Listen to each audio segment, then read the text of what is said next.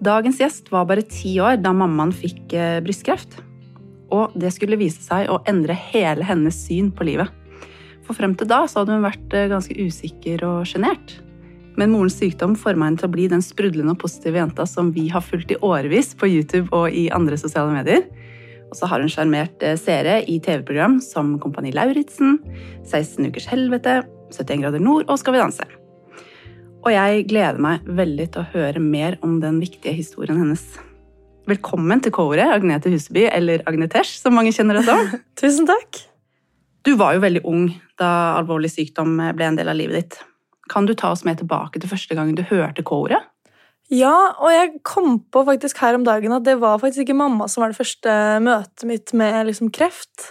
Fordi eh, på barneskolen, eller egentlig to år før barneskolen, jeg har en bror som er to år eldre enn meg, eh, som starta på barneskolen. Og så fikk han seg en kompis, og han, kompisen hadde en søster som var like gammel som meg. Og vi visste at vi kom til å starte klasse sammen. Eh, og vi ble bestevenner egentlig som fireåringer. Eh, og hun hadde kreft da hun var noen måneder gammel.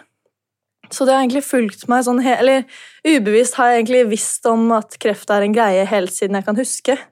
Fordi hun også på en måte hun ble jo frisk fra det, men eh, hun også var veldig åpen og ærlig og snakka masse om det. og Måtte operere, liksom fjerne noen sting og liksom endre litt underveis hele barneskolen.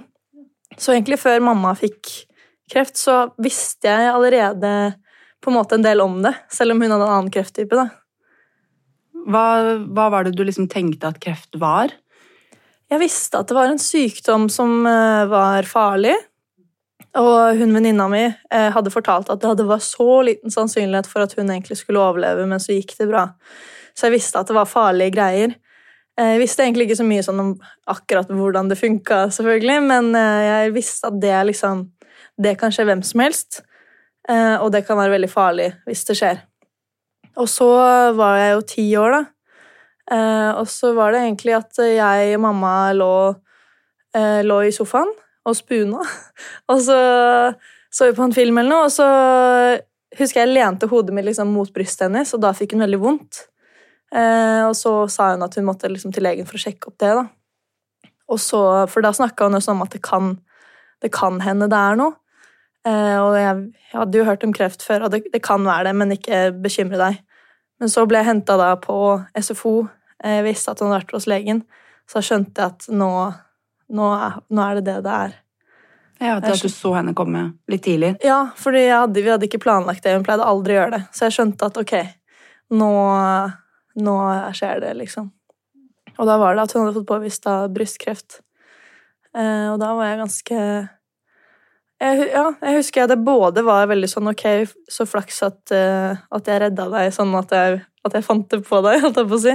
Jeg følte veldig at det var jeg som hjalp henne, selv om hun hadde sikkert merka det selv etter hvert. Men, eh, men, det var veldig alvorlig, og vi Ja, det ble liksom en, eh, ny utfordring i heimen. Og det var egentlig første gang jeg møtte liksom livet, føler jeg, sånn på ordentlig. da. Mm. At det ikke bare er lett. Det var alvorlig, en alvorlig form for brystkreft? Ja, altså jeg, Det var ikke, heldigvis ikke så alvorlig at hun måtte ta cellegift, fordi hun fant kullen på en måte såpass tidlig, men hun måtte ta, operere så fort som mulig. Eh, det gikk ganske fort, husker jeg, fra, fra det ble oppdaget til hun fikk operasjon. Og så var det stråling hele sommeren. Eh, og jeg var med på Radiumhospitalet hele den sommeren for å passe på at det gikk bra. Eller også fordi jeg, jeg, var veldig engasjert, og jeg ville liksom passe på mamma. da. Hun var liksom det viktigste for meg egentlig da, og fortsatt egentlig, faktisk. Eh, men det som også på en måte gjorde det enda litt mer vanskelig for meg, da, var at ikke bare at eh, mamma var syk, men akkurat da, på det samme tiden, så drev pappa og planla bryllup med sin nye kjæreste. Som egentlig jeg var veldig glad for, men det gjorde at han ble veldig utilgjengelig. Og han klarte ikke å se meg og se at jeg kanskje trengte eh, støtte veldig mye da. Så det ble til at jeg egentlig hang meg på mamma veldig mye, for det var det jeg trengte. Så da, da syns jeg egentlig det bare var viktig å på en måte være med henne så mye som mulig. Også fordi jeg visste at det kan jo hende at det ikke går så bra.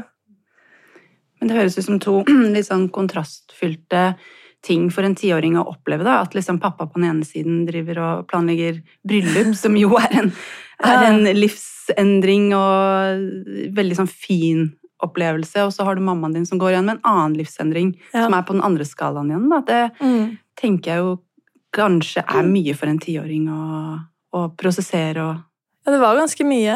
Uh, og jeg var uh, jeg visst, Det her er sånn jeg snakka veldig mye med mamma underveis, som tiåring, og i ettertid, egentlig hele veien til, helt frem til nå. Uh, hvor hun har på en måte fortalt meg ting som jeg kanskje har glemt. Og jeg husker at jeg ikke var så mye på skolen etter at på en måte, Eller når hun drev og skulle få operasjon og på en måte mens hun var på sitt aller svakeste. Eh, men jeg husker ikke så mye rundt det. Eh, Men hun har fortalt meg etter det at jeg var jo hos helsesøster en gang i uka, og jeg var ganske mye hjemme, og jeg var hos en barnepsykolog, for jeg trengte bare noen å snakke med. Men det er sånn jeg kanskje har glemt litt, fordi det jeg husker mest, er liksom selve liksom, det dramatiske med at hun hadde kreft. da. Men, eh, men hun var veldig var, Jeg syns det var kjempefint at jeg ble, måte, tatt, fikk lov til å bli med på, på måte, reisen. da. Og også at hun var såpass ærlig med meg underveis. Og vi snakka masse om det, og alle spørsmål jeg hadde, kunne jeg få svar på. Og jeg tror ikke hun, hun har fortalt meg også i ettertid, etter at alt gikk fint, at hun eh, var Eller hun trodde kanskje ikke så eh, mye at det så, skulle gå så bra som det hun kanskje sa til meg da. For det er ikke absolutt alle på en måte, bekymringene man trenger å dele videre. Men eh, det kunne hun si i ettertid at var, hun var litt, hun litt bekymra. Selv om jeg egentlig hele tiden var sånn Ja, du har kreft, og det er veldig farlig, men det skal gå bra. Ja, for du tenkte det hele veien? At det skulle gå bra? Ja, jeg tenkte det, men også kanskje fordi jeg hadde venninna mi da, som hadde vært gjennom kreft, og hun eh, gikk det fint med. Så jeg visste at det er mulig.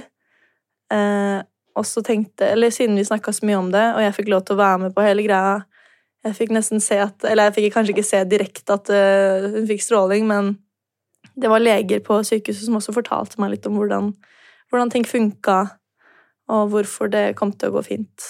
Så jeg ble på en måte, jeg trodde på at det skulle gå fint.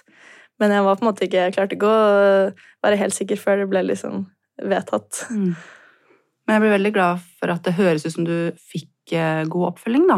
Ja. Både leger som ga deg informasjon, og helsesøster på skolen. Og... Det var faktisk bare fordi mamma arrangerte, eller det var hun som, som ordna alt. Så hun var veldig Og det, jeg skjønner ikke hvordan hun egentlig klarte det når hun egentlig var syk og alt mulig.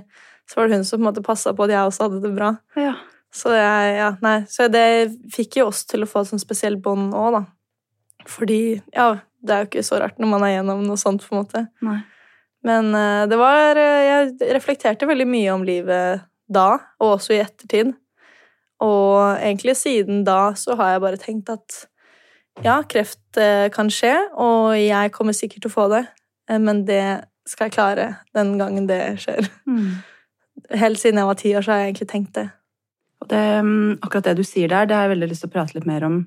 Eh, Men i innledningen så sier jeg at eh, sykdommen til mammaen din gjorde deg mer positiv Mm. og, eh, og sprudlende, men det var jo ikke noe som skjedde over natta, akkurat. Eh, fordi det er litt sånn at når en mor eller en far får kreft, så, så, bestyr, så betyr jo det også store endringer i barn og unges liv. Mm. Og hverdagen kan brått bli snudd opp ned på hodet og bli prega av engstelse og bekymringer. Og, eh, og liksom, hvordan var det for deg? Var du eh, hva, hva var det du var bekymra for, og var, var du mye bekymra? Underveis så var jeg mye bekymra mens mamma var syk. Eh, men idet hun ble erklært frisk, så tror jeg egentlig det meste av de bekymringene glapp, faktisk. Men også fordi vi hadde vært så Jeg var så, også veldig glad for at vi hadde snakka om det så mye underveis. Mm. Det var på en måte ikke noe jeg måtte bli forklart i ettertid, at ja, det, sånn og sånn skjedde. Det var, Jeg hadde vært igjennom det selv, på en måte. At jeg følte at ja, det har, jeg vet jeg om hele prosessen, og jeg, jeg kan mye om det her nå. Eh, så da glapp egentlig alle de bekymringene jeg hadde, og tenkte ja, nå er livet bra igjen. Og nå må vi bare nyte det mens det skjer. Og jeg fikk også vite, som tiåring, at det kan komme tilbake. Og hvis det kommer tilbake, så kan det være enda farligere enn første gangen. Det var jeg på en måte klar over fra den alderen. Og da også var vi enige om at vi, vi må liksom nyte livet mens vi har det. Eh, og vi har snakka masse om det, og at, At man skal jo ikke ta livet for gitt. Og det er jo på en måte en, en bra ting å, å, vite det. Samtidig som mange kan jo tenke at det er litt sånn deprimerende tanke. Men jeg syns det egentlig har vært veldig fint da, mm. å vite at ja, vi må bare egentlig ta den tiden vi har, mm. og gjøre det beste ut av det. For Det høres ut som du fikk liksom være med på hele reisen, men kan du huske mm, om du hadde noen konkrete spørsmål? Var det noe du lurte veldig på selv, eller bare kom svarene litt sånn underveis til deg? Fordi ja. de var så flinke til å prate med deg, da? Jeg, jeg, tror det kom litt underveis. Jeg hadde jo mye spørsmål uh, underveis, helt sikkert. Eller det vet jeg at jeg hadde, men jeg, jeg føler at de ble liksom besvart. Og så var jeg også med på en sånn rehabiliteringstur uh, med andre familier som hadde Eller hvor det var, gjerne var foreldre da, som hadde kreft, og så var det barna som var med. Så jeg ble kjent med masse andre barn som var i den samme situasjonen. Og da var det også liksom for, ja, forskjellige grader av kreft, og noen som hadde det, og noen som var kvitt det. Eh, så jeg fikk liksom vært med på det òg, og også liksom eh, oppleve at det er ikke alle som er like heldige. Og det var noen av de barna som mista foreldrene sine eh, etter hvert. Eh, så det var liksom eh, Jeg vet ikke, jeg syns det bare ble en del av livet på det punktet. Som jeg syns var helt fint, fordi jeg bare Jeg ville, jeg, jeg ville ikke at noe skulle være skjult for meg. Det var veldig viktig for meg, husker jeg. At jeg skulle få lov til å vite alt, og hvis jeg lurte på noe, så skulle ikke det være hemmelig. Og jeg spurte mamma hele tiden sånn Tror du at det går bra? Det, hva tenker du? Eller jeg var, jeg var, veldig liksom Jeg ville gjerne at hun skulle være ærlig, da. Og det var hun jo heldigvis også. For det du sier der, det er jo kjempeviktig. Og før i tiden så var det nok kanskje litt mer sånn at man tenkte man måtte skåne barna sine. Mm. Kanskje de ikke tålte sannheten og sånne ting. Men nå vet vi jo litt mer, og eh, noe som kanskje kan være enda farligere, er jo hvis barn får lov til å eh, være alene med fantasien sin, og så løper den litt løpsk. Mm. Og så blir ikke den korrigert, og så blir det da fantasien som blir sannheten. Og vi anbefaler jo på kreftforeningen.no at eh, selv om foreldre kanskje ikke vet så mye i starten selv, så er det veldig viktig at man gir barn eh, så mye informasjon som mulig liksom helt fra starten av det. Eh, og det er jo for at de skal føle seg involvert og betydningsfulle, og, og at de får muligheten til å stille de spørsmålene som de har, da. Mm. Det vet jeg var veldig viktig for meg, og det tror jeg gjorde det litt lettere også. Mm. Også at jeg følte at ja, da er vi sammen om det her, mamma. Eller jeg følte at jeg kunne være med på det uten at det ble en sånn hun gjør dette, og jeg må bare vente og se hva som skjer på sidelinjen.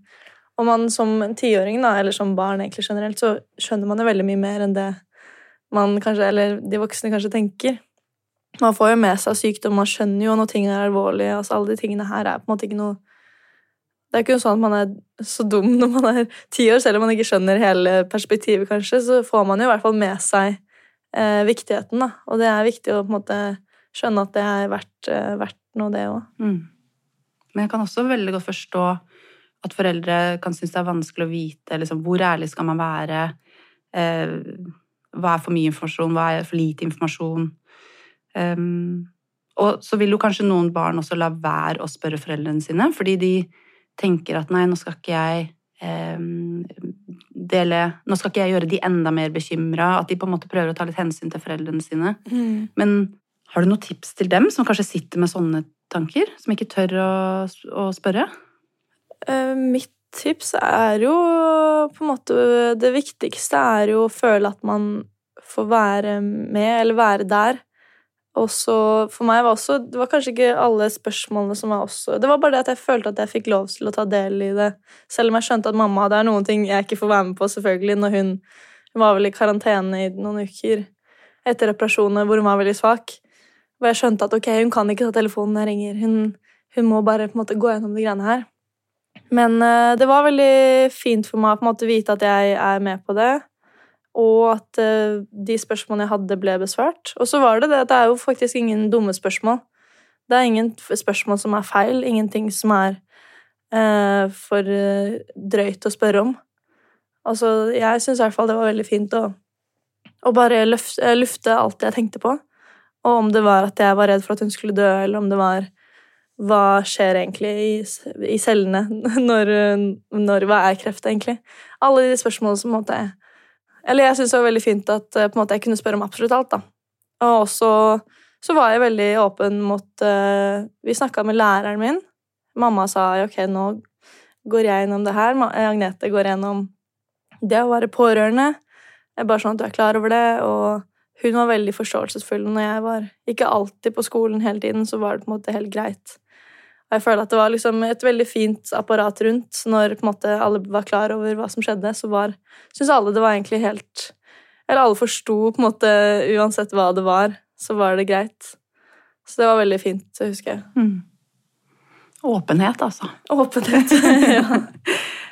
Og du nevnte i stad at eh, etter hvert så var du med henne på sykehuset da hun fikk behandling. Mm. Hvorfor var det så viktig for deg?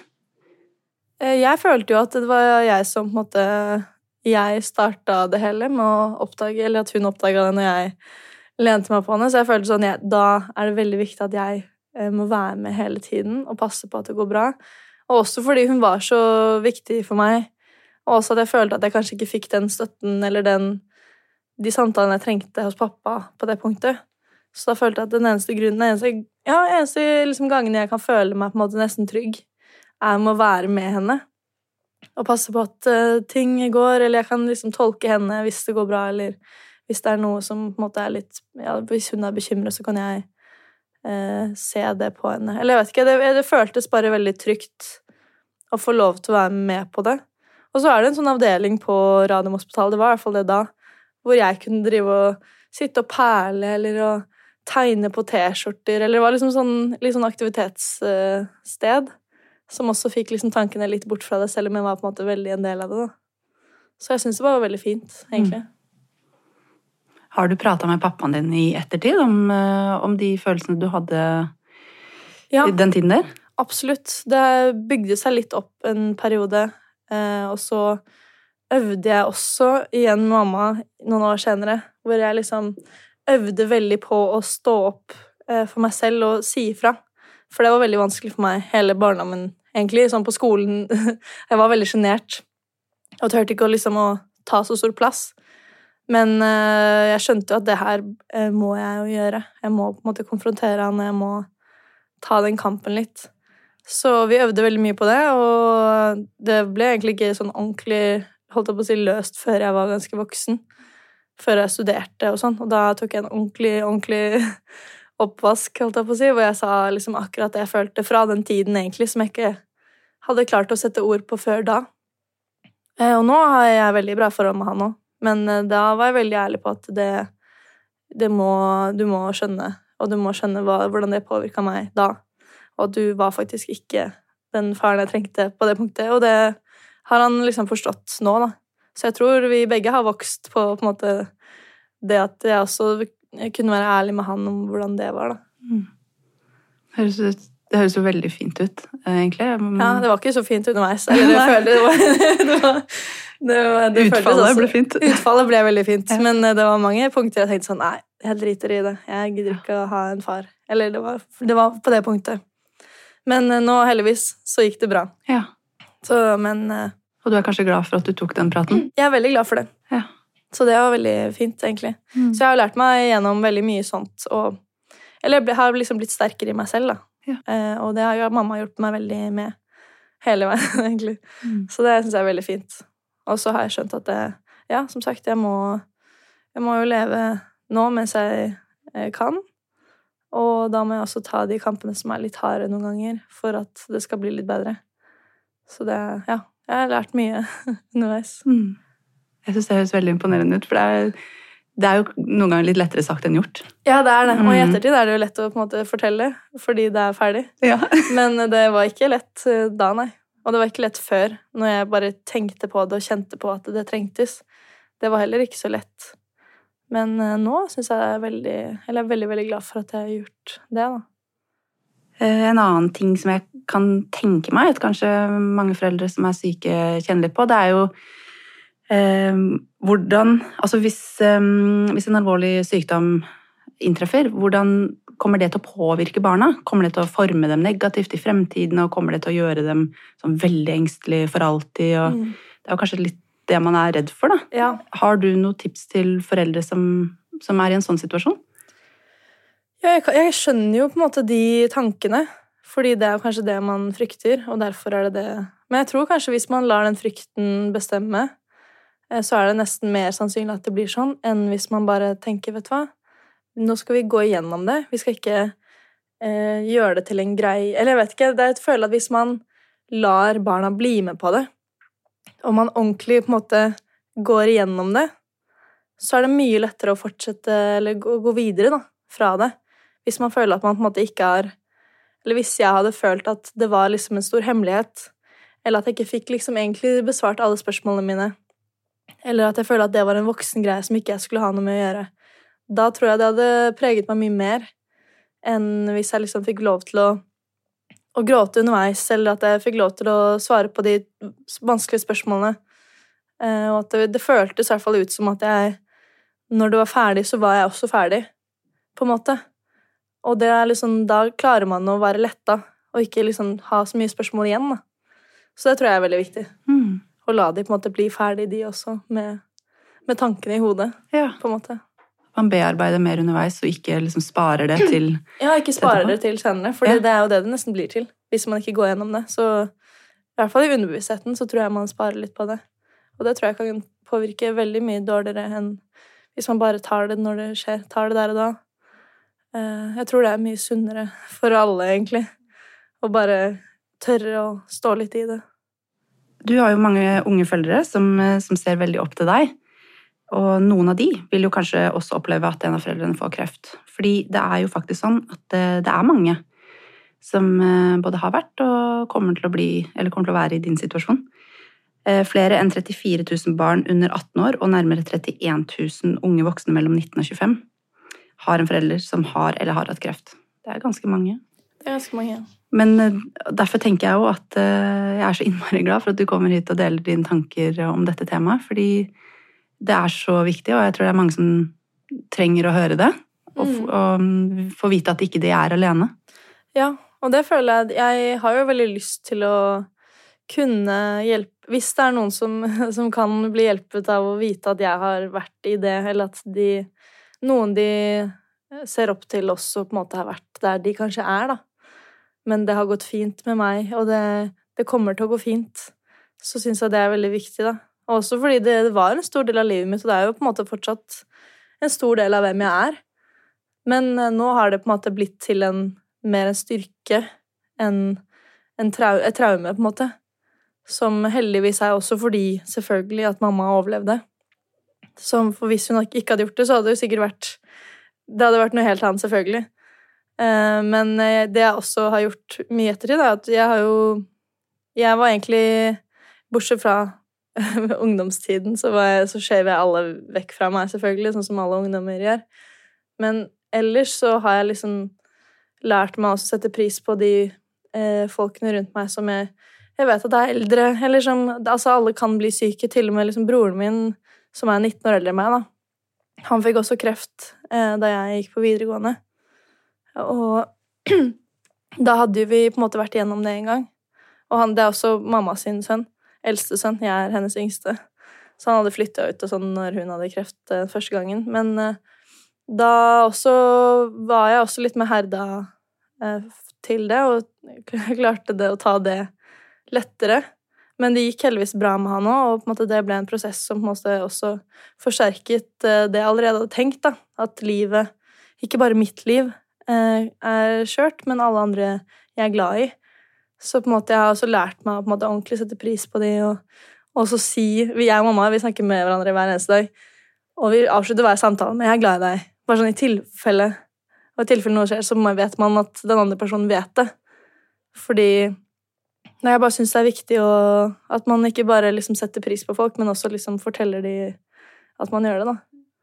Så det er veld, veldig mye sånne ting som på en måte har Som har liksom bunna i det, tror jeg. Og den forståelsen for at, eh, at ting kan skje. Men det er bare sånn livet er. Og noen ganger må man gjennom noe dritt, men så kan det også gå bra. Eh, og da kan man også bli sterkere av det. Så ja. Jeg syns det er så beundringsverdig å høre deg snakke om det.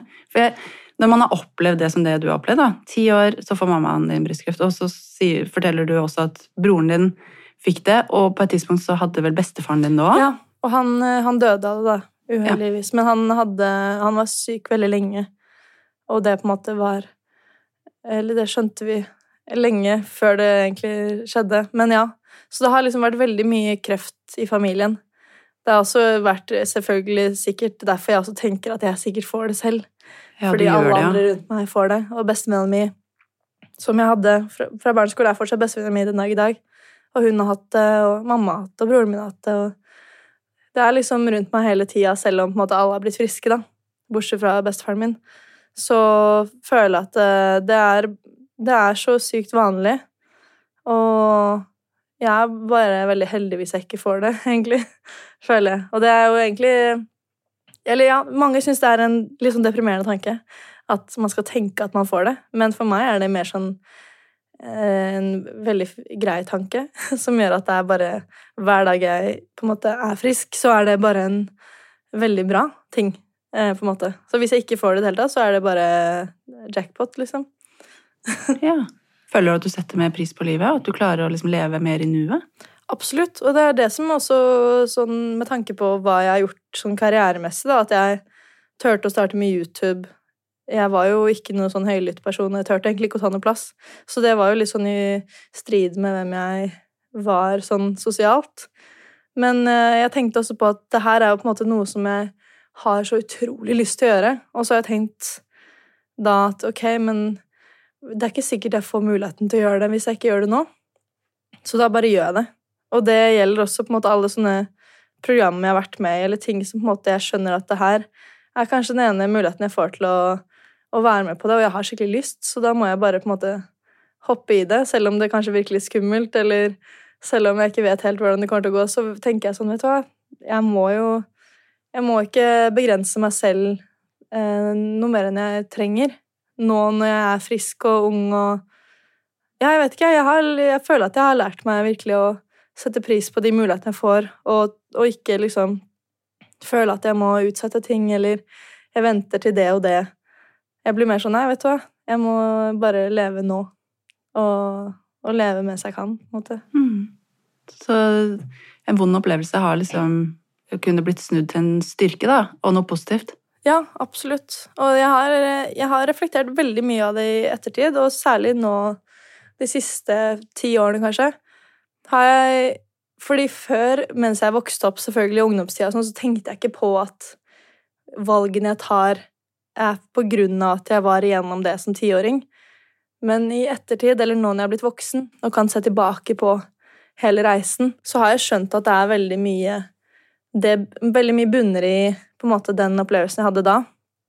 Og at det, liksom, det var da jeg på en måte endra egentlig hele tankesettet mitt. Og det var da jeg på en måte begynte å tenke at ok, livet skjer, og det kan skje hvem som helst og når som helst. Og man må bare ta det når det skjer, og så må man også leve når det ikke skjer, på en måte. Og nyte der man er, og ikke bare se framover hele tiden. Så det har jeg virkelig lært meg å gjøre. Ja.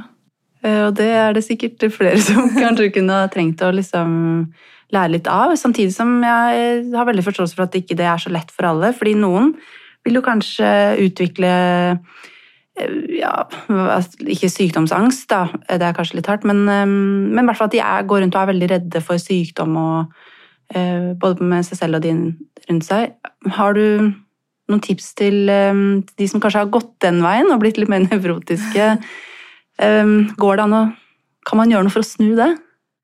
Nå har jo ikke jeg Jeg, jeg vet ikke om det er Jeg tror det er liksom blanding av å velge tankesett, men også at jeg ikke er så nevrotisk av meg. Eh, Så det kan på en måte ikke sette meg så inn i de som på en måte er kanskje mer nevrotiske av natur. da. Men det er jo veldig mye man kan gjøre med hvordan man velger å se på ting. Eh, Fordi alle går gjennom livet, og livet er en berg-og-dal-bane, og det, går, det er opp- og nedturer. Og så kan man på en måte velge hvor man legger litt fokuset sitt, da. Og hvis det ikke trenger å være bekymringsfullt, så kan man også prøve å se ting fra en annen side, da. Og heller tenke at vet du hva, det kommer til å gå fint, eller jeg er ikke syk nå, så da trenger jeg ikke å bekymre meg akkurat nå. Eller prøve å se på det litt sånn, da. Men uh, som sagt, det er vanskelig å, å fortelle folk hvordan de skal tenke. Men uh, jeg tror at veldig mange kan uh, kan på en måte velge å fokusere fokusere litt mer positivt på ting, da. Og det er det jeg også på en måte hele tiden gjør. Selv om livet fortsatt ikke går ikke, altså, Selv om jeg er veldig glad og blid og sånn hele tiden, så er det ikke sånn at, he, at livet går på skinner alltid for meg heller nå. Eh, men eh, jeg prøver ikke liksom grave meg selv ned eh, de gangene det går, ikke så går så bra. At jeg heller på en måte la meg selv stå i det litt, og så på en måte prøver jeg å komme meg opp igjen og komme meg videre. Og da pleier det å gå Ja, det pleier å gå fint å komme seg opp igjen fra det. Og så riste det litt av seg, og så komme seg videre. Er du noen gang bekymra for at mammaen din kan få det igjen? Ja, absolutt. Mamma er på sånne sjekker eh, annethvert år eller når det er. Og hun fikk jo også litt eh, Hun fikk ME etter at hun fikk kreft, så hun har på en måte vært litt sånn halvsyk eh, en del. Så jeg er absolutt Jeg er mer bekymra for at hun skal få det igjen, enn at jeg skal få det, egentlig. Men samtidig så Så snakker vi fortsatt om det, da. Og så vet jeg at jeg er med henne liksom Ikke hver dag, men det er ikke, det er ikke Ja, det er ikke langt unna, liksom. Og jeg vet at uansett da, om det skulle skje, som jeg absolutt ikke håper, eh, så vet jeg at jeg har brukt eh, veldig bra tid med henne. Og at eh, hvis vi hadde klart det en gang, så kan vi klare det igjen. Eller så i så fall så vet jeg at vi har hatt det veldig fint fram til nå, da. Mm og alle de årene hun har levd på en måte siden hun hadde det sist. Men altså, vi alle, alle krysser fingrene for at det ikke skjer igjen. Men uh, hvis det skulle skje, så får vi bare ta det når det kommer, da. Mm. Ja, ikke sant. Man, det er jo ingen som på en måte vet hva som kommer til å skje. Nei. Så, uh... Og så kan jeg heller ikke på en måte tenke at det skjer, det skjer, eller kanskje det skjer. Fordi da klarer jeg heller ikke å leve livet på en måte. Hvis, heller, ja, hvis, jeg skal gå rundt og tenke på det. Men de gangene hun er på sjekk, eller at det er noen må teste, eller Så blir jeg alltid litt sånn Ja, det kan komme en Det kan komme nå, men eh, jeg skal ikke ta de sorgene på forskudd, i hvert fall. For da blir man jo gæren til mm. slutt også. Mm. Ja. ja. Hvis man hele tiden skal gjøre det. Ja, det er bra du ikke gjør det. Nei. mm. Eh, håpet vårt med denne podkasten er at de som hører på, skal føle seg mindre alene. Hva vil du si til familier som opplever sykdom eh, akkurat nå? Eh, det jeg vil si, er jo at man må ta vare på hverandre og se alle i familien. Og det er eh, Det jeg følte da, sånn når jeg var syk, var at pappa på en måte ikke så Fordi jeg kanskje ikke ropte så høyt om det. Han så kanskje ikke at jeg trengte litt ekstra kjærlighet. Så hvis det er noen i familien som på en måte som er litt stille, eller som faller litt utenfra, selv om det ikke er de som er syke, så bare prøv å måte se alle, alle som, er, som står i det. Eh, fordi det, er, det, kan påvirke alle på forskjellige måter, så det er viktig at en måte, alle får, får, en følelse av å bli sett. Og så er det jo det å, å, måte prøve å tenke at ja, vi må gå gjennom det her, og så, så skal vi klare det. Og det kommer til å gå fint. Man må ikke ta de sorgene på forskudd. Fordi som regel så går det jo også fint, stort sett. Og det gjorde det jo heldigvis med dere. Hvordan, hvordan, har du det i dag? I dag har jeg det veldig, veldig fint. Jeg føler at jeg er på et skikkelig fint sted, og det har jeg egentlig vært hele mitt voksne liv. Så vet jeg at hodet mitt er i hvert fall på riktig sted, og jeg vet at jeg takler veldig mye. Jeg har blitt skikkelig herda eh, av å på en måte vært igjennom eh, litt ting. Så jeg føler at jeg er på en måte klar for, klar for kamp. Samtidig som jeg, jeg, bare nyter eh, å ikke være i kamp også. Så jeg, på, jeg, veldig, har det veldig fint. Mm. Godt å høre. Jeg er veldig veldig glad for at du ville komme hit i dag og fortelle historien din. Jeg er jo mamma selv, og jeg vet at jeg kommer til å ta med meg dette her. Og skulle mine barn noen gang oppleve alvorlig sykdom, så, så føler jeg meg litt bedre rusta til å takle det. Ja, det er bra. så tusen hjertelig takk. Nei, takk, eh, takk for at jeg fikk være her. Det var veldig fint å prate litt ut. Du har hørt K-ordet, en podkast fra Kreftforeningen. Vi jobber for at færre skal få kreft, at flere skal overleve kreft, og få bedre livskvalitet for pasienter og pårørende. Du kan lese mer om arbeidet vårt og hvilke tilbud vi har til deg på kreftforeningen.no. Der finner du også rådgivningstjenesten vår om du trenger noen å snakke med etter å ha hørt denne episoden. K-ordet er produsert av Gjengklang for Kreftforeningen. Produsent for Gjenklang er Christian Konglund. Produsent for Kreftforeningen er Birgitte Hoff Lysholm. Og jeg heter Sandra Kristiansen.